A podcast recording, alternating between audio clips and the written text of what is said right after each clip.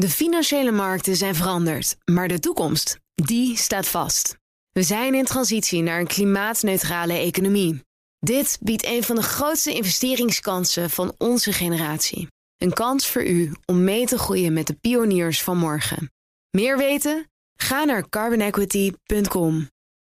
Carbon Equity. Do good by investing better.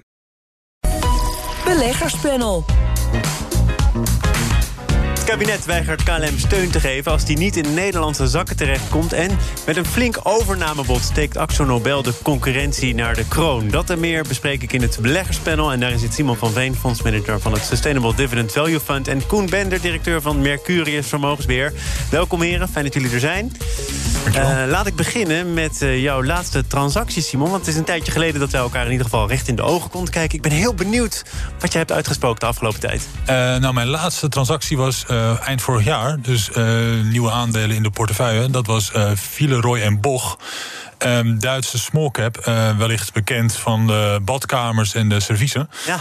Um, ja, dit is een, een, een, een klein bedrijf wat begin vorig jaar heel veel last had van de crisis. Uh, zwaar onder, onderuit ging, omdat uh, consumenten en professionele partijen gewoon stopten met investeren. Um, bij de halfjaarcijfers uh, rapporteerden ze dus een, flink verlies. Eerste helft, zeiden ze de tweede helft van het jaar. Misschien net goed genoeg om de verliezen te compenseren.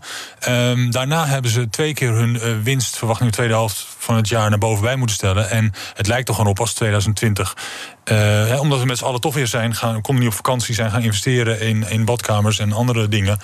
Uh, uh, en ze hebben gewoon een, een goed jaar achter de rug, bijna net zo goed als het topjaar 2019. Uh, maar de koers staat een stuk lager dan, dan een jaar geleden. Dus ehm, ja, op vier keer de cashflow is dit gewoon een heel interessant bedrijf om, om in te stappen. Het Economisch Instituut voor de Bouw in Nederland kwam een paar weken geleden met een verwachting over dit jaar. En zei: Ja, je gaat nou helemaal niet voor de tweede keer je badkamer verbouwen. Daar zit natuurlijk ook wat in. Ja, nee, daar zit ook wat in. Maar ik denk dat er nog heel veel badkamers verbouwd moeten worden. Ja, dus. Je servies? ja, we gaan ook niet meer uit eten. Dus uh, het moet er wel een beetje, daarom, een beetje toonbaar uitzien. Ja, precies. Je moet blijven investeren. Dus je hebt op het goede moment toegeslagen eigenlijk. Daar komt het op neer. Nou, de koers gaat de goede kant op. Dat wel, ja. precies. Koen, wat kun jij zeggen over je laatste transactie? Die eh, stemt ook van vorig jaar. Uh, en toen hebben we onze positie in China wat, wat verhoogd. Met middel van de JP Morgan China Fund. En ehm, daar heeft een positie in frontier markets voor moeten ruimen. Dus dat zijn wat meer de markten die nog eerder in de cyclus zitten dan emerging markets. Die al een wat ontwikkeldere economie hebben. Je moet dan denken aan landen zoals uh, Kenia, uh, Pakistan, daar hadden we positie, maar daar hebben we afscheid van. Ja, maar China is toch een hele andere orde. Dat hoort toch eigenlijk ja, absoluut. een, een ander mandje. Nou, nee, maar goed, we hadden al positie in China, alleen die hebben we nog zwaarder aangezet. Dus dat. Ook omdat we denken dat het herstel daar vandaan uh, kan, uh, kan komen. Dat uh, hoorden we natuurlijk, hadden we het net al over met die containers.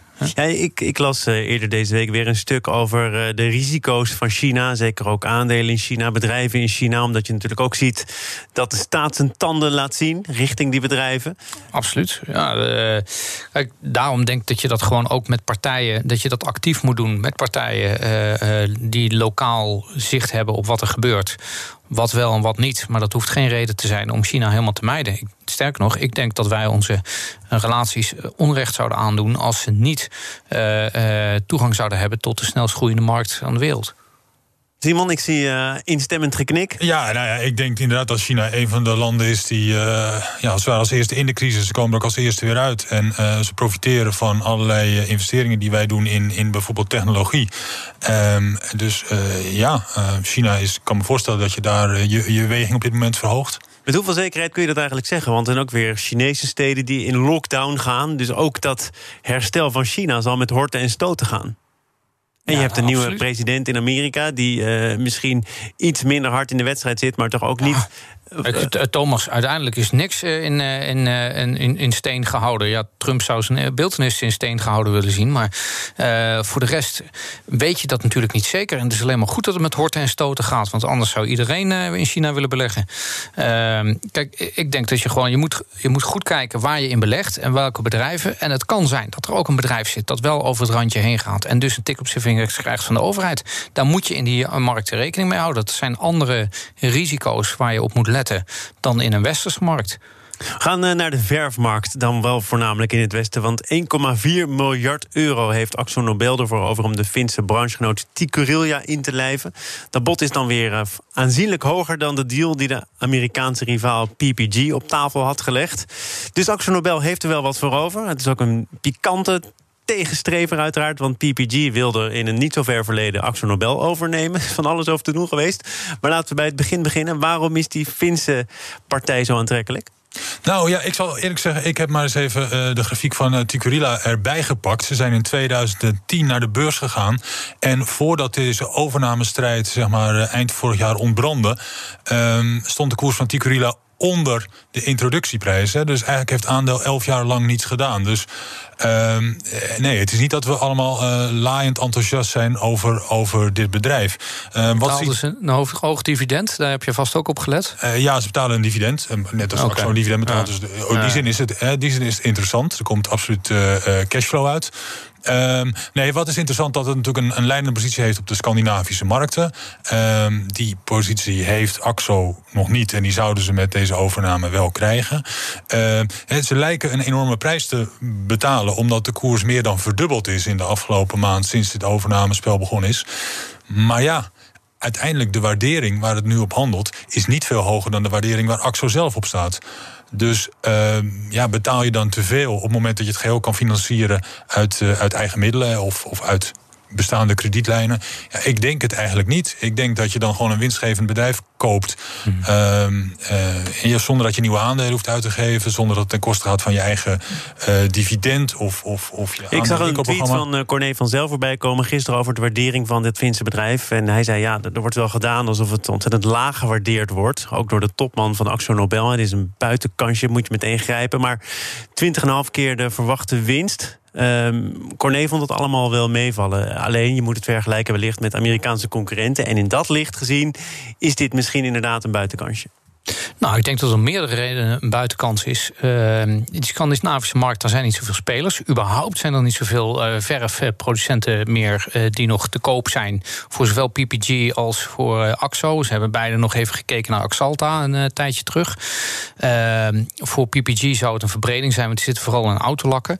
Voor Axo past het goed eh, in de portefeuille. Het is ook niet altijd, het is niet echt de andere kant van de wereld. Ze kopen wel de nummer één speler in de Scandinavische regio en in Rusland. Het is eh, ook een hele belangrijke hub naar, naar Rusland en China. Ehm, en wat ook heel interessant is, de winst verwatert niet, maar de verf wel. Want uh, hun verf is voor 80% op water gebaseerd.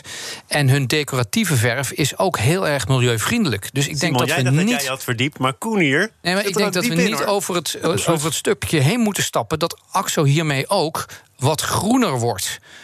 in de ogen van veel beleggers. En uh, dus de, de verfsoorten die ze gebruiken, het is allemaal decorative paint. En dat betekent dat hun productmix milieuvriendelijker wordt dan dat hij voorheen was. Voor wat het waard is. Maar ik denk dat dat meer waard is dan uh, we nu op eerste instantie denken. Ja, ja en het, het, gaat hier natuurlijk ook om geld. Het gaat hier ook om een concurrentiestrijd met PPG. Uh, zou hier ook nog kunnen meespelen. Als wij het kopen, kunnen zij het niet meer kopen. Dus dat het ook vrij defensief gedacht is. Um, ja, misschien dat dat een rol speelt. Bedrijf zelf van niet. Um, ik kan me voorstellen dat ze dat zeggen. Misschien dat de rol speelt. Maar uiteindelijk uh, ja, wil AXO, um, denk ik, gewoon ook groeien in die markten. En dit is, als je het nu niet doet, dan, dan uh, ja, is PPG de grootste in de Scandinavische markten. En, en wat er dan een rol speelt, is natuurlijk die voorgeschiedenis. Althans, die wordt er uh, misschien wel met de haren bijgesleept. Maar PPG en Axo Nobel hebben ook met elkaar in de ring gestaan. Omdat PPG Axo Nobel wilde overnemen. De topman zegt, als wij een overname doen, dan doen we dat met een rekenmachine in de hand. Dat speelt er. Uh, ga er alsjeblieft geen vendetta van maken. Maar toch, Koen, ik ga het nog even proberen in dit panel. Als je PPG, jouw belager, kunt dwars zitten... zou dat dan toch niet ergens in je achterhoofd... nog een kleine rol van betekenis kunnen spelen? Nou ja, ik, ik denk dat het uh, vooral te doen is. Kijk, laten we niet vergeten, de topman die er deze topman die zat alleen in het staartje van de PPG-onderhandelingen. Die, die, die Zwitser die is toen overspannen naar huis gegaan. Uh, en nog wat andere mensen zijn toen afgetreden. Uh, maar ik denk niet dat het nu te doen is om uh, PPG te pesten. Maar het is wel degelijk landjepik. Want ik bedoel, van de buren, uh, het stuk grond van de buren komt maar één keer te kopen. Dat hebben ze ook gezegd. Dus natuurlijk, als zij het niet doen, ja, dan gaat het naar PPG. En dan is het dus uh, Rienne van Plu, dat komt niet meer op de markt. En voordat je dan een positie hebt opgebouwd in de Scandinavische markt, ja, dan ben je wel even verder. En het is blijkbaar toch een hele interessante markt. Ja, je, je, je, bouwt die positie op, maar volgens mij, om mededingingskwesties te voorkomen, moet Axo Nobel ook wel een deel van de eigen activiteiten weer verkopen. Hè? En daar hebben ze meteen al een koper voor. Dus dit is uh, ook niet zoiets dat, dat ze hier geen rekening mee hadden gehouden. En het is gewoon wel een interessante markt. Uh, allemaal houtbouw, uh, dat moet vaker geverfd worden. Dus, nou, ja. nog, nog wel even naar de derde in dit verhaal. Want die schijnt er te zijn, hoewel niemand weet wie dat dan is. Maar er zou ook nog sprake zijn van een mysterieuze bieder... die dat bod van PPG ook al had overboden. Nou, toen werd er gedacht, dat, dat zal dan wel Axel Nobel zijn. Axel Nobel zelf zegt, dat zijn wij zeker niet. Hoe moet je dit alweer inschatten? Ja, dat zou kunnen dat er nog een andere partij uh, ook geïnteresseerd is en wellicht uh, alsnog een, een, een bod uitbrengt. Uh, maar goed, reken wel, een, een, een nieuw bod moet toch weer een stukje hoger liggen dan het laatste bod van AXO. Dus op een gegeven moment, ja, op een gegeven moment is er wel een prijs hè, die, waarvan je zegt van nou, dit is te veel en dit is te duur. Ik denk niet dat, dat, dat AXO nou per se te veel betaalt, maar mensen die er nog een keer overheen zouden willen. ja dat wordt alleen of, of het te veel is of niet, zou je dat ook een beetje kunnen aflezen uit uh, de ontwikkeling van de koers? Want toen dit nieuws naar buiten kwam, ging die koers, uh, laat ik het zo zeggen, in ieder geval niet omhoog. Sterker nog, wel enigszins naar beneden. Ja, de koersactie ging gisteren een paar procent omlaag, inderdaad. Ik kijk met een schuin oog naar het koersbord hier in de studio. Uh, nou, nu weer een half procentje erbij. Uh, ja, ik weet het niet. Kijk, uh, op het moment dat je heel veel nieuwe aandelen uit zou moeten geven om zo'n overname te kunnen financieren, ehm, dan, dan kan je zeggen dat er sprake is van verwatering en dergelijke. En dat aandeelhouders daarom de koers, de aandelen alvast verkopen. In de hoop later goedkoper terug te kunnen kopen bij zo'n deal. Dat is allemaal niet aan de orde. er zal geen winstverwatering optreden. Sterker nog, ja, ze financieren zonder nieuwe aandelen uit te geven een winstgevend bedrijf. Dus eigenlijk zal de winst per aandeel stijgen. Daarnaast denken ze nog wat kostenvoordelen te behalen door de organisaties in elkaar te schuiven. Um, ja, per saldo is het denk ik wel een, een, eh, een goede deal voor de aandeelhouders. Dus er is niet zo heel veel reden om de koers uh, veel onderuit te zetten. Een andere deal gaan wij nu bespreken. Zaken doen. En wij, dat is het eh, beleggerspanel. Simon van Veen, fondsmanager van het Sustainable Dividend Value Fund. En Koen Bender, directeur van Mercurius Vermogensbeheer. En de deal, dan gaat het over de geplande miljardensteun voor KLM. Die loopt vertraging op. Het kabinet wil namelijk voorkomen dat het geld in de bodemloze zakken van de holding terechtkomt. Dus ook nog in de zakken van Air France. Het wil alleen investeren op Nederlands niveau. Daar heeft Wopke Hoekstra, de minister van Financiën, zich ook al eerder over uitgesproken. Um, hoe kijk je naar dit? Uh, nieuwe getouwtrek rond Air France KLM, Koen? Ja, ik haal maar heel even diep adem. Uh, ik, uh, ik vind het Kijk, dit is, de, de, uh, een, een, dit is gewoon een overhaast huwelijk geweest... waar je nu de, de, de nasleep van hebt. De huwelijkse voorwaarden zijn uh, slecht in elkaar gezet. En uh, ja, nu, nu sta je op het randje. Eigenlijk zou je moeten scheiden... maar je bent toch met, met elkaar verbonden... en kan niet echt zonder elkaar. Dat is een beetje de situatie die er nu is. En wie kan niet zonder wie? Nou, ik denk vooral Air France niet zonder de KLM. En, uh, maar het is wel de periode waarin je heel goed je business case moet gaan, uh, moet gaan heroverwegen. En ik snap het meer dan voorkomen dat je niet in de holding wil investeren. Uh, met het risico dat het naar Frankrijk uh, wegvloeit. Daar, de winst werd de afgelopen jaren door KLM gemaakt en niet door Air France. En de Fransen willen niet hervormen op geen enkele manier. En dan gaan we dadelijk uh, uh, de steun ook nog zien wegvloeien naar, naar, naar Frankrijk. Dat is niet de bedoeling. Ik denk wel dat je uh, KLM moet behouden. En, en de luchtvaartindustrie en de, en de hub Schiphol. Um, maar ja, de, ik, ik, sprak gisteren met Jos Verstegen van Insinger Gillissen. Ja. En die zag dit ook allemaal aan. Die haalt dus diep adem. En die kwam tot een andere conclusie. Dit is bodemloos. Je zegt zelf ook al, de voorwaarden zijn niet goed geregeld. Geef het aan die Fransen. Denk er eens rationeel over na. Hoe lang zijn we hier nou mee bezig? KLM levert eigenlijk helemaal niks meer op. En dan gaat weer een sloot geld. Stop ermee. Nee, maar geef het aan de Fransen. Dat, is, uh, bedoel, dat heeft ook geen zin. Want uh, uiteindelijk, als die Franse mensen ontslaan. En, en, in Frankrijk zullen ze het niet doen, maar in Nederland wel. En bij wie komen die dan op de payroll? Bij Vatertje Staat. Ja, dus ik denk dat je ook voor de continuïteit van alle industrieën die rondom KLM en Schiphol hangen, is het van cruciaal belang dat we, dat we dit behouden.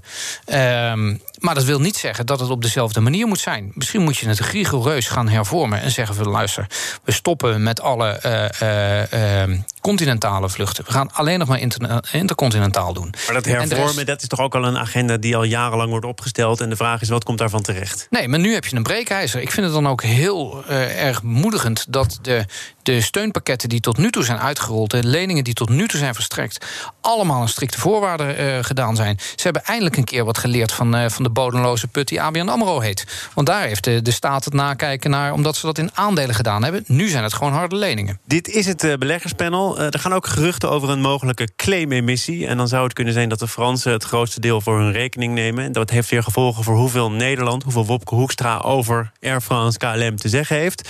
Pieter Kouwenberg, de collega van het FD die gisteren neerpende in de krant, zei daar dit over. Dus als de Fransen straks die aandelenversterking op het groepsniveau doet, dan hupsee is die hele Nederlandse invloed op het hoogste niveau in één keer weg. Dus dan heeft Hoekstra weer lege handen. Dus het is echt een kwestie van uh, armpje druk reizen in Den Haag. Hupsee, het kan zo gebeurd zijn, Simon. Ja, hupsee. Nou ja, eh, kijk, bij een claimemissie hangt natuurlijk een beetje vanaf hoeveel nieuwe aandelen erbij komen. Dat weten we natuurlijk nog niet helemaal. Maar dat het om veel geld en dus veel aandelen gaat, dat is wel duidelijk. Eh, in principe mogen bij een claimemissie alle bestaande aandeelhouders bijkopen. Uh, de, de Franse staat en de Nederlandse overheid hebben op dit moment een gelijk belang in de holding. Dus als je dat zo wil, wil houden, dan, dan ja, zullen Nederland en Frankrijk net zoveel moeten investeren in, in nieuwe aandelen KLM. Op het moment dat we wij, wij als Nederland, hè, dat niet doen. Uh, dan, dan, ja, dan worden de Fransen belangrijker in de holding. Um, en, en, een paar jaar geleden, in 2019, vonden we dat natuurlijk uh, onwenselijk. En, en hebben we, heeft Wop Koekstra uh, voor relatief veel geld een, een groot belang of een gelijk belang genomen in KLM als Franse staat. Bliksemactie. Een bliksemactie, inderdaad. Uh, daar is toen uh, veel over te doen geweest. Of dat nou verstandig was of niet. Kijk, op het moment dat je dat wil houden, daar nog steeds achter staat. En uh, ja, Bob Koekstra is er nog steeds. Zal er na de verkiezingen wellicht ook nog zijn. Dus op het moment dat je dat zo, zo wil doorzetten, dan zou je aan die claimemissie mee moeten doen. Ehm, nou, sterker nog, Bob Koekstra is er sowieso, want hij is lijsttrekker van het CDA. Precies. Ehm, hij heeft te maken met verschillende sentimenten. Namelijk, enerzijds het sentiment: KLM heeft al zoveel gekost, dit is een bodemloze put, stop ermee. Anderzijds moet hij natuurlijk ook onze nationale trots proberen te vertegenwoordigen. Dus dit is ook, of misschien wel met name, een politieke kwestie. Ja, het is absoluut een politieke kwestie. Uh, het is absoluut een politieke keuze in de eerste plaats. Hè, om, waar, waar Koen net over had, om KLM te steunen. Uh, waarom doen we dat? Nou, toch voor een deel omdat we het belangrijk vinden als Nederland al die uh, intercontinentale verbinding met de rest van de wereld te houden. Er zijn weinig kleine landen die zoveel goede luchtverbindingen hebben als, als, als Nederland. En dat is denk ik iets wat het KLM, oh, wat, sorry, wat het kabinet, ook een volgend kabinet nou, graag zou willen houden. Hoor. Ja, ja, inderdaad, het gaat dezelfde kant op. Um, dus als we dat zo willen houden, ja, dan moeten we daar ook voor, in, eh, voor, voor durven investeren. En dan, uh, ja, dat, dat, dat kost dan geld en betekent bijkopen uh, in, in, in het bedrijf. Dat wordt, wordt dit een strijd, hè, die claimemissie? Dus als de Fransen bijkopen, dan moeten de Nederlanders ook bijkopen om de verhoudingen te respecteren zoals ze nu zijn? Uh, dat, dat heeft alles in zich om inderdaad een strijd te worden. En ik denk dat die strijd uiteindelijk niet eh, via de boardroom van, uh, van KLM en Air France moet worden gespeeld, maar dat het via Brussel gaat lopen. Kijk, je, je kan hier ook een casus maken dat de Nederlandse begroting ziet er vele malen beter uit dan die van Frankrijk. hoeveel kan Frankrijk nog permitteren om in, in, in KLM Air France te storten of in Air France af te storten? Dat kan dadelijk ook op Europees niveau een issue gaan worden. We gaan eh, naar de issues van, eh, van vandaag, van de komende weken zelfs. Want het cijferseizoen is begonnen. Het regent cijfers van de grootste bedrijven. Simon, waar kijk jij met name naar uit? Nou ja, eh, er, komen veel interessante bedrijven. Morgen is de eerste natuurlijk ASML. de verwachting is dat techbedrijven gewoon een goed jaar achter de rug hebben. Maar eigenlijk veel belangrijker bij het cijferseizoen is op bedrijven... en wat management van bedrijven zegt over het, het komende jaar wat zij verwachten. En dat, dat, dat doen we natuurlijk door rechtstreeks te luisteren naar, naar wat ze zeggen. maar wat ik ook belangrijk vind, een belangrijke indicator... is het dividendbeleid van bedrijven. Door, door de dividendverhogingen over het afgelopen jaar... geven ze eigenlijk een signaal over wat hun verwachtingen voor het komende jaar zijn... Ehm, en, en ja, ik noem net ASML.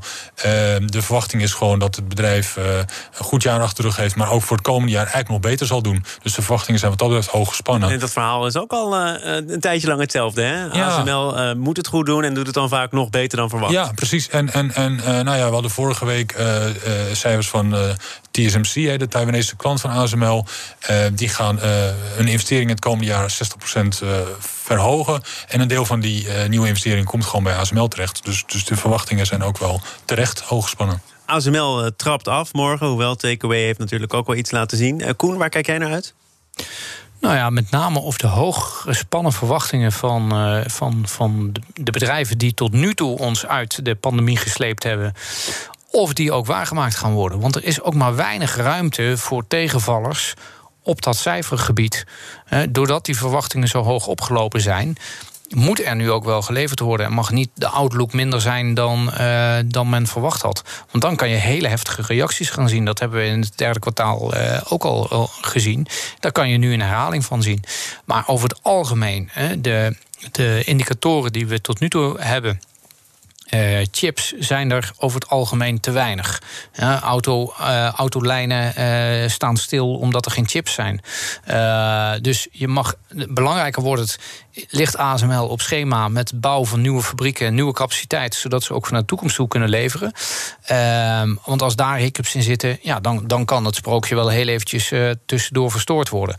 En zo is dat op allerlei andere gebieden ook. Bij bij, bij een Apple kunnen ze al die iPhones uitrollen, kunnen ze die nieuwe programma's uitrollen die ze willen uitrollen. Het containertransport hè, is daarin belangrijk. Want als je je goederen niet van de fabriek naar de consument kan krijgen, dan kun je nog zoiets moois hebben. Maar als het niet gekocht wordt en als het niet straks door lockdowns. Eh, Apple, uh, Apple zegt toch al een tijdje niks meer over uh, specifiek iPhones. Omdat anders nee, wel vermoeden bestaat als... dat het wel heel erg drijft op, op één tak van sport. Nee, nee, nee maar goed, als voorbeeld, Thomas. Ja, dat je, je, je, moet natuurlijk uiteindelijk je product ook wel ehm, bij de eindconsument kunnen krijgen. En, en, en die moet het kunnen afrekenen. En zolang we met alle steunpakketten die we hebben, met uh, Jellen die daar nog een keer vandaag de nadruk op heeft gelegd. Van goh, het is ontzettend belangrijk dat er nu een heel groot steunpakket wordt uitgerold.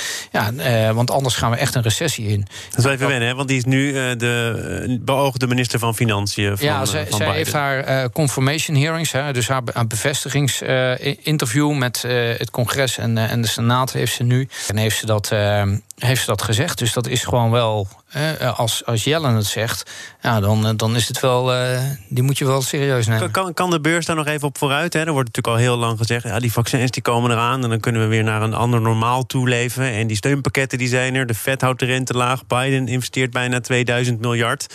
Uh, is, is dat wat het met name drijft? Nou, uh, absoluut. Investeringen in, in uh, Amerika, de, de stimulans van de economie door overheden uh, drijven de, de, de beurs. Maar ook ja, het feit dat er weinig, weinig alternatieven zijn. Dus er, er, blijven wat dat betreft genoeg mensen in de beurs stappen om het verhaal nog even draaiende te houden. En ehm, zolang we dus geen grote tegenvallers zien in het, in het aankomende kwartaalseizoen, ja, kan, kan de beurs inderdaad verder. En uh, specifiek gericht op Nederland. We hadden net uh, de directeur van de Dirk van der Broek te gast. Maar Ahold zal toch ook wel redelijke cijfers laten zien. Nou, Ahold, Ahold, is een ander voorbeeld van een bedrijf wat, wat gewoon hele goede cijfers gaat laten zien over het afgelopen jaar. En met name een bol.com bedrijfsonderdeel zal het ontzettend goed doen. En zal hoge groeicijfers laten zien. Ja. Um, maar je zal hier toch ook wel weer die K terugzien van een paar bedrijven die het uitstekend doen. En die daarmee ook misschien een enigszins vertekend beeld geven. Omdat er ook veel bedrijven zijn die heel erg achterblijven. Ja, de verschillen zijn uh, wat dat betreft heel lang niet zo groot geweest als in het afgelopen jaar. dus, als je, dus we noemen nu een paar bedrijven die het heel goed doen.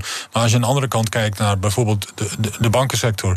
Die het gewoon heel moeilijk hebben door alle afboekingen op, eh, op, op, op leningen. En, en nog verwachte afboekingen op leningen. En je hebt bijvoorbeeld de oliesector, de energiesector. Waar uh, ja, de olieprijs is weer iets gestegen. Maar de, de hoeveelheid uh, liters olie en kerosine die verkocht worden, zijn nog steeds fors lager dan hiervoor. Uh, er zijn genoeg bedrijven die het ook slecht zullen doen. Wil jij nog een slotpleidooi houden, Koen? Closing comments. Nou ja, uh, het is super belangrijk dat, dat, dat steunpakket. Hè. We hebben een slagadelijke bloeding. En die kom je niet te boven zonder extra zakken bloed en, uh, en, en uh, voldoende bandage. En daarna kan die patiënt wel weer op eigen kracht. Dank jullie wel. Koen Bender, directeur van, het, van Mercurius Vermogensbeheer. En Simon van Veen, fondsmanager van het Sustainable Dividend Value Fund. Voor jullie bijdrage aan het beleggerspanel. Het is voorbijgevlogen. Dus uh, tot een volgende keer maar weer. De financiële markten zijn veranderd, maar de toekomst, die staat vast. We zijn in transitie naar een klimaatneutrale economie. Dit biedt een van de grootste investeringskansen van onze generatie. Een kans voor u om mee te groeien met de klimaatoplossingen van morgen. Meer weten? Ga naar carbonequity.com. Carbon Equity. Do good by investing better.